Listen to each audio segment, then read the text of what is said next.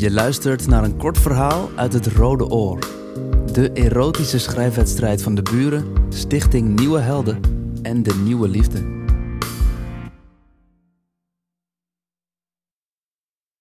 Mijn benen, stram van het zitten, zou ik moeten bewegen. Mijn bloed weer laten stromen. Al de hele ochtend zit ik ongeconcentreerd achter mijn laptop. In een poging de atmosfeer te veranderen, schuif ik het raam open. Maar het is alsof de buitenlucht er niet doordringt. De lucht binnen en buiten heeft exact dezelfde temperatuur. Een jas zal vandaag niet nodig zijn. Uit automatisme loop ik naar het plein met de supermarkt waar ik doorgaans boodschappen doe. Anders dan normaal staat er midden op het plein een enorme trailer met een afbeelding van een arm en het woord geef. Terwijl ik stilsta om te bekijken wat het voorstelt, drukt een oudere vrouw een flyer in mijn hand. Bent u al bloedtoner? vraagt ze. Bloed geven doet leven, vervolgt ze triomfantelijk voor ik antwoord kan geven. Ik weet niet goed waarom, maar voor ik er erg in heb, sta ik in de trailer. Welkom, zegt een jonge man met scherpe jukbeenderen en een opengeknoopte witte jas. Hij steekt zijn hand naar me uit. Fijn dat je bloed komt geven. Um, aarzelend beantwoord ik zijn uitgestoken hand. Ik weet het eigenlijk niet zeker. Het was maar een opwelling. Ik wil best, maar ik ben niet zo dol op bloedprikken. Ik ben wel eens flauw gevallen vandaar. Ik wil me omdraaien, maar zijn stem vouwt zich om me heen als een dwangbuis van plush. Een vreemd soort kalmte overvalt me. Geen zorgen, we doen het rustig aan. Ik blijf bij je. En zodra je voelt dat het fout gaat, stoppen we meteen. Oké, hoor ik mezelf zeggen. We nemen een medische vragenlijst door. Op de vraag of ik de afgelopen twaalf maanden seksueel contact heb gehad met een man die seksueel contact heeft gehad met een andere man, antwoord ik: Dat durf ik niet met zekerheid te beweren, maar ik geloof van niet.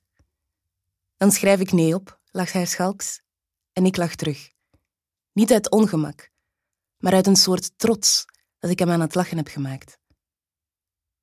Wil je je vest misschien even uitdoen? Ik ga je bloeddruk meten. Ik laat mijn vest van mijn blote schouders glijden en besef nu pas dat ik geen BH aan heb. Ik draag alleen een hemdje. Mijn tepels vormen blozende bobbeltjes in de stof. Hij schuift dichterbij zodat zijn bovenbenen de mijne raken. De bovenkant van zijn hand strijkt heel even langs de zijkant van mijn linkerborst als hij het klittenband rond mijn bovenarm bevestigt. Dan zwelt de band op en ik voel het bloed door mijn aderen pompen. Je bloed is perfect, dus als je het nog ziet zitten, mag je hier komen liggen. Hij klopt op de behandelstoel. Je mag mijn bloed hebben, zeggen mijn lippen. Met zijn vingers wrijft hij zachtjes over de dunne huid van mijn elleboogholte. Er loopt een rilling van mijn borst richting mijn schaambeen. Denk maar aan iets fijns, zegt hij. Mag ik? Ik knik. En denk aan zijn handen die mijn lichaam strelen, op zoek naar kloppende aderen. Hoe alles wat onder mijn huid verborgen ligt, waar bloed stroomt, zijn best doet door die handen gevonden te worden. Hij mag het hebben. Even biedt mijn huid weerstand, maar dan glijdt de naald soepel mijn aderen binnen. Hij glimlacht tevreden. Zo, die zit. Hier, knijp maar in mijn hand als je wil. Hij reikt me zijn warme hand weer. Ik krul mijn klamme vingers eromheen en knijp met pulserende bewegingen in zijn vlees. Naast me beweegt een weegschaal met daarin de zak waarin mijn bloed druppelt, op en neer, in een gelijkmatig ritme. Om te voorkomen dat je bloed stolt, legt hij uit. Ik ben niet bang dat mijn bloed stolt, ik ben bang dat al het bloed naar mijn wangen en schaamlippen stroomt, zodat er in het midden van mijn lichaam en mijn armen niks meer overblijft. Kijk maar weer naar mij en niet naar het bloed, zegt hij. Ik voel me een cliché uit een doktersromannetje wanneer ik opnieuw in zijn pupillen staar. Ik adem sneller dan normaal zou moeten zijn in een lichtstoel en heb het koud en warm tegelijk. Mijn tepels zijn nieuwsgierig geworden, proberen zich een weg naar buiten te drukken. Voelt dit oké? vraagt hij. Ik knik. Even kijkt hij weg om te controleren of alles nog klopt. Of misschien omdat ook zijn wangen rood zijn geworden. Hoe langer we kijken en zwijgen, hoe slapper mijn lijf en hoe lichter het wordt in mijn hoofd. Toch wil ik niet dat het stopt. Ik moet alleen mijn ogen even sluiten en diep ademhalen. Blijf je bij me?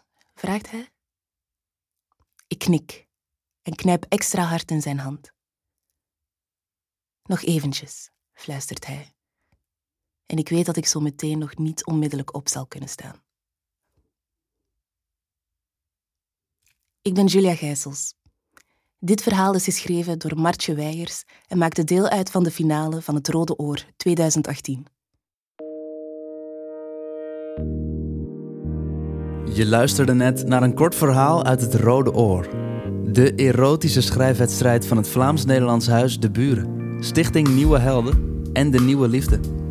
Op deburen.eu slash het Rode Oor vind je meer informatie over het project, over de wedstrijd en kan je alle erotische verhalen van het Rode Oor lezen en luisteren. Het Rode Oor is onderdeel van het project Yes Please, een initiatief van Stichting Nieuwe Helden.